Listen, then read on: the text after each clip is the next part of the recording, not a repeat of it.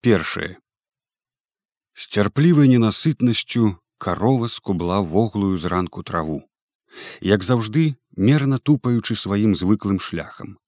Каля гасцінца, па зарослай быльнягом канаве, невысокім прыдарожным адхоне, пасля цераз травяністы лапік ля белага быў кормлены парщук валуна, і далей да самага ўзлеску, што шырокай дугой ахопліваў палявы грудок з хутарам. Сцепані даведала, што на ўзлеску карова паверне ад дарогі ў бок цераз пагорак да баранняга логу. І там ужо трэба глядзець пільней, каб не шмыганула куды далей звоч. Бабоўка на тое была спрытнюга і не зважай, што пярэстая, белыя плямы па чорным. А калі згубіцца, дык пабегаеш, шукаючы па хмызняках. Але гэта там, далей на ўзлеску. А тут дзецца ёй не было куды невысокая насыпка дарогі ды голы прасцяг бульбянішча. Тут можна і пасядзець у спакоі. І сцепаніда прысланілася клубам да гладкага бока валуна, шчыльней саставіла ў траве босыя ногі і няпільна нават глядзела на тую бабоўку. Было не сцюдзёна, трохі зябкавата нагам у воглай траве і ветрана. Неба з прэсу сцілалі хмары, Сонца не паказвалася ад рання. Зрэшты, цяпер з яго няшмат і карысці таго восеньскага сонца. Хіба было б весялей, калі б яно на якую гадзіну выбавілася з-за хмар. А так шэрае непрытульнае поле захлыналася ў ветраным шолаху быльнягу ды ў карэлага калюя бульбоўніку на шырокай пагоркавай ніве. Міжвольна карцела адвярнуцца ад ветру тужэй захінуць полы ватоўкі і не кратацца.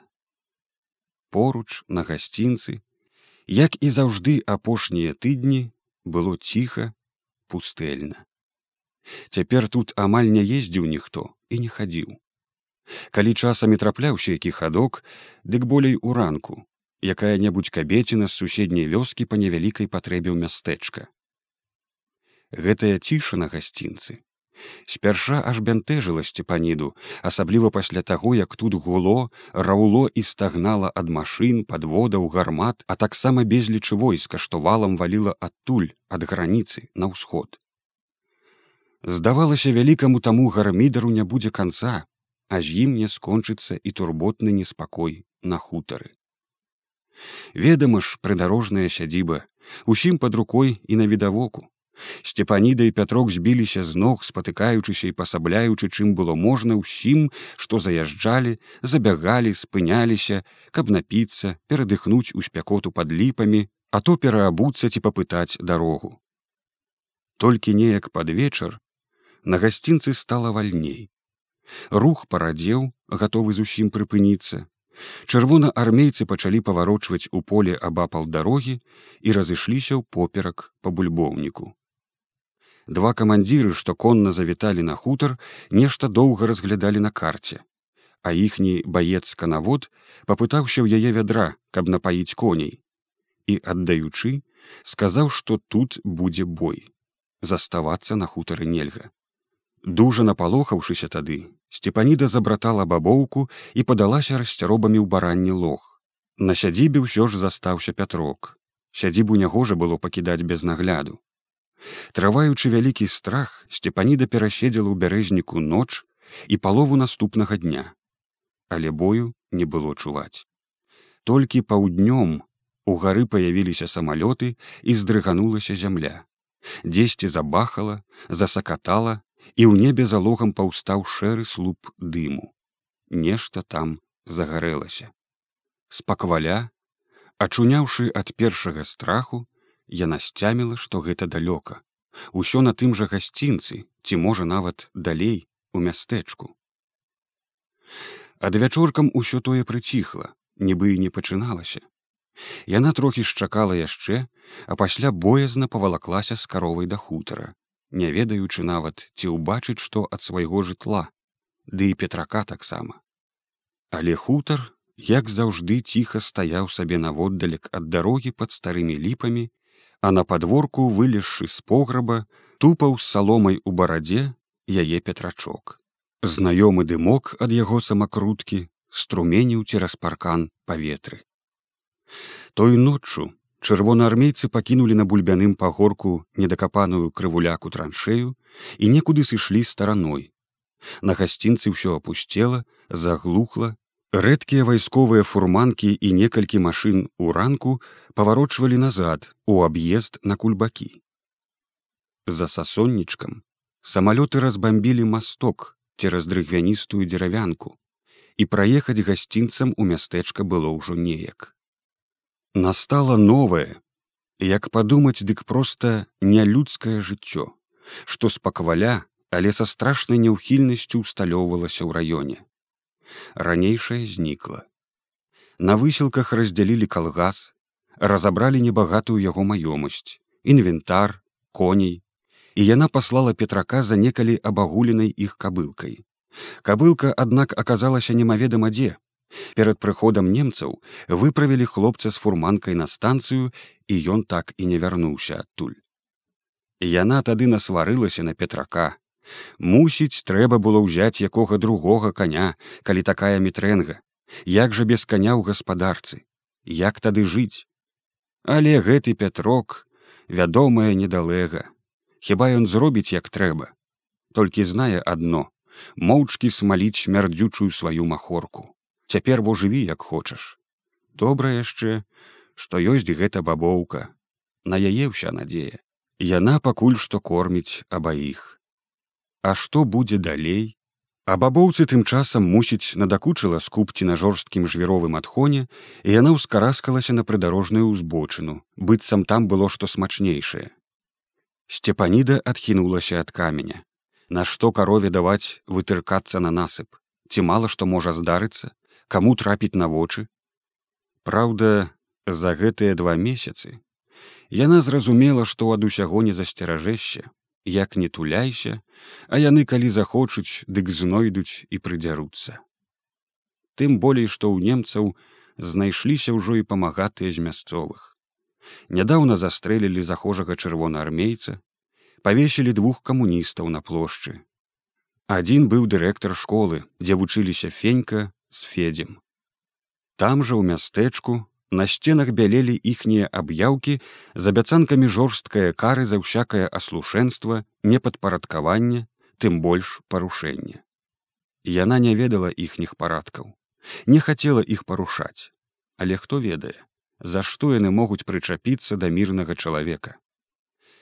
Добра яшчэ, што цяпер гэты хутар застаўся як бы ў закутку.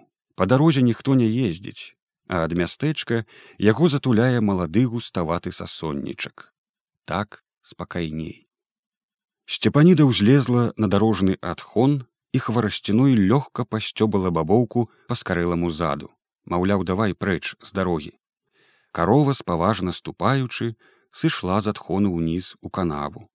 Канешне, трава там была не дужа, каб прыдатная для каровінага языка, болей дуддзё і быльнёг, але хай за дзень як-небудзь напасвіцца.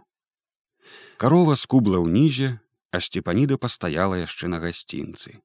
Азіраючы з невысокай насыпкі, знаёмае да драбніц некалі сваё хутарское поле. Дзесяць гадоў яно ўжо было не іх калгаснае, але чыё будзе цяпер Наўрад ці немцы аддадуць ім зямлю, Мабыць, ведаюць, што калі што выпусціш з рук, дык назад не ўхопіш.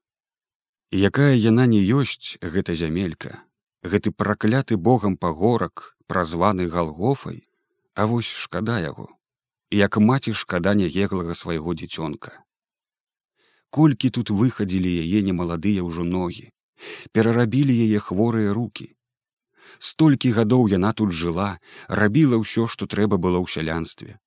Да той жа няхітрай справы спакваля прывучаўся федька феня праўда захацела вучыцца і паехала ў мінск дзе цяпер яе дзеткі феня дык можа яшчэ нічога. Можа дзе і жывая калі пашчасціла ад гэтай навалы ўцячы на ўсход і цяпер недзе ў рассіі а федька? Як узялі ўвосень у армію за зіму прыслаў тры пісьмы з латвіі.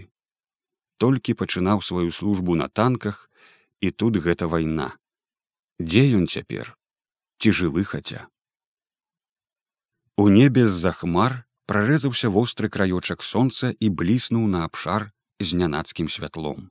На якія паўхвіліны самотны восеньскі абсяг дужа змяніў свой выгляд, нібы заўсміхаўся насустрач жаданай сонечнай ласцы.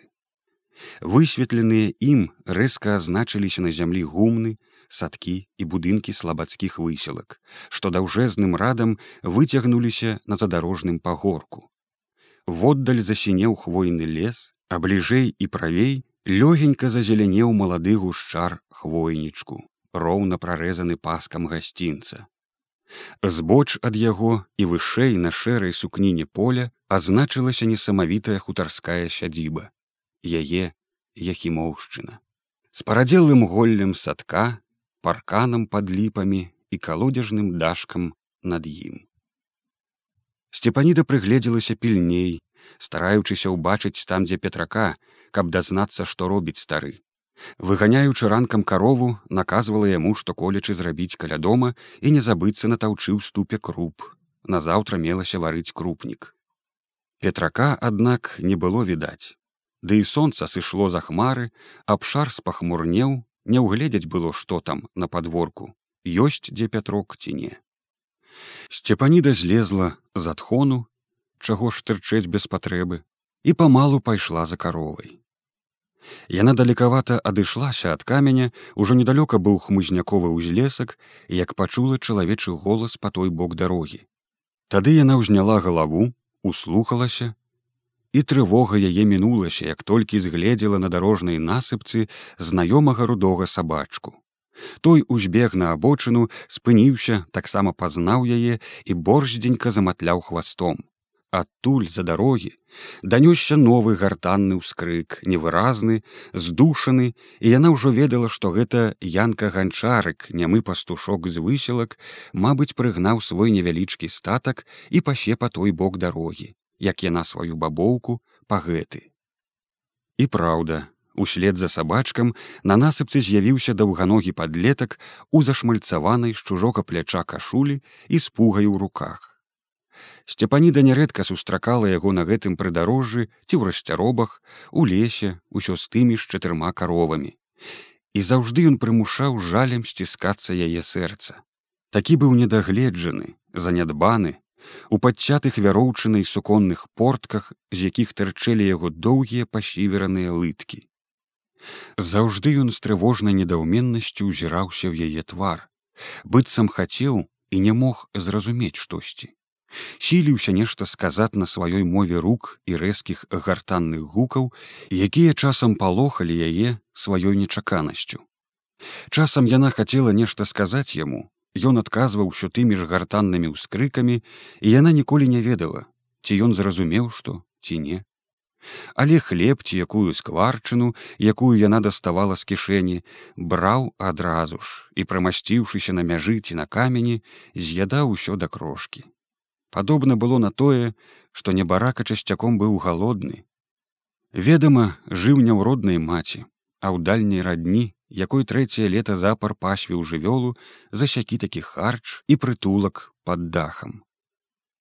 Пастушок між тым азірнуў з дарогі свой невялічкі статак, ляснуў у паветры пугай і падышоўшы бліжэй, моўчкі сеў на ўскрайку дарогі. Яго парэпаныя абсаджаныя болькамі ногі ледзьве не да калень вылезлі з палапленых портак. Рукі ён зябка сашчапіў на грудзях і аблёгся грудзьмі на калені а сіліўся ён нешта сказаць а а хто ведае што з'явілася ў гэтай яго нячэсанай галаве пад картовай са зламаным казырком кепкай ці ў яго наіўна расшыраных светлых вачах якія там мроіліся думкі намеры. Сцепаніда яму часам падкідвала на якую гадзіну другую бабоўку, калі здаралася такая патрэба. Яначка быў рупны і заўжды безадмоўны хлопец. І яна, вяртаючыся да каровы, кожнага разу старалася прыхапіць яму які-небудзь гасцінец, аладку, скварку, жменю гароху ці хоць пялейшы яблык з сука. Сцюдзёна яначка, Што ж ты якую надзёўку не апрануў, сказала яна, пазіраючы на яго ў гору. А э Нешта памкнуўся ён вымавіць і махнуў рукой. Такі ветер прадзьме і захварэеш, паляпала яна сябе па грудях. Ідзі апранашку, якую возьмі. Янка нібы зразумеў штось і ўскочыў з дарогі, клопатна азірнуўся на свой недалёкі статак з чатырох кароў. А, а, ідзі, ідзі, сказала яна. Я пагляджу, я пагляджу і паказала на ягоных кароў і сваю бабоўку. Дзіва, але ён зразумеў, лёгка, нібы пачуў. Збегшы з дарогі завярнуў першую чорную карову і бегма прыпусціў гасцінцам да сасоннічку, ля якога была паваротка на высілкі. Сабачка спярша борздзенька скіраваў за падлеткам, але нібы зразумеў свой абавязак, вярнуўся і сеў на ўзбочыне, непадалёк ад сцепаніды. Рудзька сюды паклікала яна, ды рудзька толькі стрыгнуў вушамі. Ён ужо дбайна азіраў статак, які памалу варушыўся ў канаве і на адхоне. Гэта быў хітраваты псяюга, не глядзі, што малы, а калі не бачыць у руках кавалка, дык дарма да чалавека не пойдзе. Янкавы каровы жвава тупалі па той бок гасцінца. І каб не размінуцца з імі, яна таксама павярнула бабоўку, узышла на гасцінец і памалу пайшла наперадзе. Нагам тут, на дробнай сухаватай траўцы, было зручней, не калола дудзё, але ветер дзьмуў апантанна, і яна хутка спынілася, адвярнуўшыся ад яго. У небе плыло неслася рванае ашмотце хмар. Невядома, у якім месцы там хавалася сонца і ці хутка меўся настаць вечар. Але яна адчувала, што ўжо даўно павярнула з паўдня, праз якую гадзіну другую абшар пацямнее, пачне змяркацца. Некалі ў дзённай гарацы яна любіла і чакала той час, калі з палявой пільніцы можна вярнуцца на свой падворак у хату, дзе клопату таксама не меней, але збіралася сям'я, і звыклыя хатнія турботы былі ў асалоду, асабліва пасля дзённай гарачыні ці непагадзі аднастайнай палявой работы. Цяпер жа ёй было ўсё роўна, не вабілі і вечаровыя клопаты ў хляве ці ля печы. Сям'і лічы не было, заставаўся толькі пятрок. Адзін за адным адышлі на той свет старыя, трохі падросшы адляцелі дзеці, не ў прыкмет мінулася ўсё добрае і благое, што з імі звязана. А двум старым ці шмат чаго трэба. Нечага перакусіць, ды набок, укрыўшыся якім кажушком. Не хацелася і паліць на ноч грубку, добра было і так. Праўда была жывёла, карова, дзясятак курыц і парсючок у хляўку. Іх трэба было пакарміць і дагледзець. У тым амаль што і ўвесь яе хатні клопат. Рыжая маладая кароўка з янкавага статка, не дужа пільнуючыся астатніх, поркалася сабе ззаду, усё болей адстаючы ад іншых. І сцепаніда крыкнула на яе раз і другі але тая мусіць не прывыкла слухацца чужога голасу і не спяшалася даганяць статак. Тады сцепаніда вярнулася па дарозе і сышоўшы з насыпкі падагнала карову. Калі ж зноў ускараскалася на гасцінец, убачыла, як на другім ягоным канцы ля хвойнічку нехта бяжыць, аж раздзімаецца на спіне кашуля. Трохі, аднак угледзеўшыся, яна сцяміла, што гэта ж янка, Але чаму ён вярнуўся, чаму не збегаў на высілкі?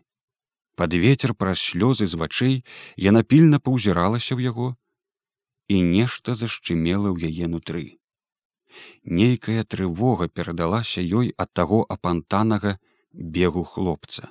Усё ўзіраючыся, яна пайшла насустрач, ведаючы ўжо, што здарылася благое, ніяк толькі не цямячы, што Пасля яна не раз успамінала гэта сваё прадчуванне і дзівілася, як яно правільна падказала ёй набліжэнне таго, што так знянацку перавярнула яе жыццё. Але цяпер было толькі прадчуванне, блізкае да страху, з якім яна дачакалася янку. Той, аднак, не дабегшы да яе, кінуўся з насыпкі да пярэдняй каровы і, аперазаўшы яе пугай, стаў шалёна заварочваць назад увесь статак. Каровы спярша нехаця, а пасля адна за адной патрухалі абапал канавы назад да ўзлеску, А янка нешта зычна і нема крычаў, матляў у паветры пугай і тыцкаў рукой назад. Твар яго скрывіўся ад страху ці можа здзіўлення. І сцепаніда яшчэ нерашуча таксама завярнула сваю бабоўку. Мабыць, там, у сасонніку, была небяспека, ад якой трэба было ратавацца. Так зразумела яна і янка ў спалох, і сама ўжо гатова была не на жарт спалохацца. Праз нейкі час яны амаль што бягом загналі статак у зараснікі акрай балотца, трохі адагналі далей ад гасцінца, і яна падышла ў кустоўі да янкі. Той зірнуў на яе новым, дагэтуль незнаёмым ёй позіркам. І гартанна гергечучы, нешта трывожліва спрабаваў растлумачыць, усё паказваючы рукой назад туды, дзе застаўся гасцінец. Дык што там, што? Дапытвалася сцепаніда, бачачы на абсіверным хлапечым твары толькі спалох, які гарэў таксама ў яго шырока раскрытых вачах, раз'яўленым роце. Янка даў працы рукам, нешта ўсё торкаў у кустоўе, абводзіў у паветры, такія круцялі вырабляў на пальцах, што мусіць зразумеў бы кожны. Яна ж, аднак, не разумела нічога. Божа мой, гэта ж трэба ўрадзіцца такім недалэгам. Упершыню з прыкрасцю падумала яна і ўслухалася. Але ў зарасніку было ціха. Толькі шархацеў голлем ветер, ды нейкая карова, мусіць залезшы ў куст, воддаль трашчала сучом. З дарогі ж не было чутно ніводнага гуку. І тады яна надумалася схадзіць паглядзець самой. Ты папасі бабоўку, ну папасі карову я схаджу я скора янка загергетаў нешта зноў заматляў рукамі ці не разумеючы ці не згаджаючыся. Але яна яшчэ ўслухалася ў цішыню лесу і нетаропка пайшла хмызняком да гасцінца. На гасцінцы па-ранейшаму было пуста і нічога не чуваць адтуль ад сасоннічку. Яна пастаяла падумала і не выходзячы на насыпку хуценька патупала па-за канавай, дзе з гэтага боку была пакручастая, трохі ўтаптаная людскімі нагамі сцежка. Яна так і не магла даўмецца, што здарылася наперадзе. Хоць увесь час узіралася ў канец гасцінца і разы чатыры ажно спынялася, слухаючы і разважаючы. Што б там магло быць? На слабацкіх высілках таксама ўсё было ціха пуста шарэў бульбяны палетак на касагоры каля яе хутара, усё дзьмуў ветер і разы два здавалася выблісне з-за хмар сонца, ды так і не выбліснула. Так яна амаль што дайшла да сасонніку, шчыльны гушчар якога заўзята зелянеў абапал гасцінца. І да яе насцярожанага слыху ветрам данесла стук нешта там забівалі ці што. Выразна ляскала па чымсь цвёрдым аж аддавалася ў паветры. І ўпершыню яе пранізала здагадка. Мост. Так гэта было за недалёкай павароткай гасцінца што знікаў у хвойным лапіку. Менавіта там нешта адбывалася. Сцепаніда запаволіла хаду гатовая спыніцца але не спынілася. Хуценька дайшла да сасонніку і каб не ісці па дарозе звярнула ў ягоны гушчар. Тут было рукой падаць да хутара, і тут я наведала ўсе пянькі сцежкі вытаптаныя бабоўчынамі ды і яе нагамі. Яна амаль подбегам, дзе прама, а дзе ўгінаючыся ад голля, адолела невялічкі хвойны пагорак на ўзлеску, асцярожна ступаючы, зірнула на шырокую разлогу поплава з нябачнай адсюль крывулінай рэчкі сапраўды ад моста ўжо чутны стаў гоман. Спазнела гупнула ад скінутага на зямлю бервяна. Яна адхінула ад твару калючую галіну і ўбачыла тое што на момант прымусіла замерці сэрца. Ля моста ўнізе ля самай вады і на разбуранай колішнім выбухам насыпцы завіхаўся дзясятак людзей згружалі бярвенне з падвод, што топіліся па той бок на дарозе. а на самым абрыве ля разварочаных паляў і бэлек стаяла некалькі мужчын у незнаёмай вайсковай форме са зброяй. Адзін з іх у шызай казыркастай шапцы нешта паказваў ад сябе ў бакі то левай, то правай рукой і тлумачыў. Іншыя заклапочана азіралі рэшткі разбуранага моста. І яна раптоўна з нечаканым страхам уцяміла. То ж немцы.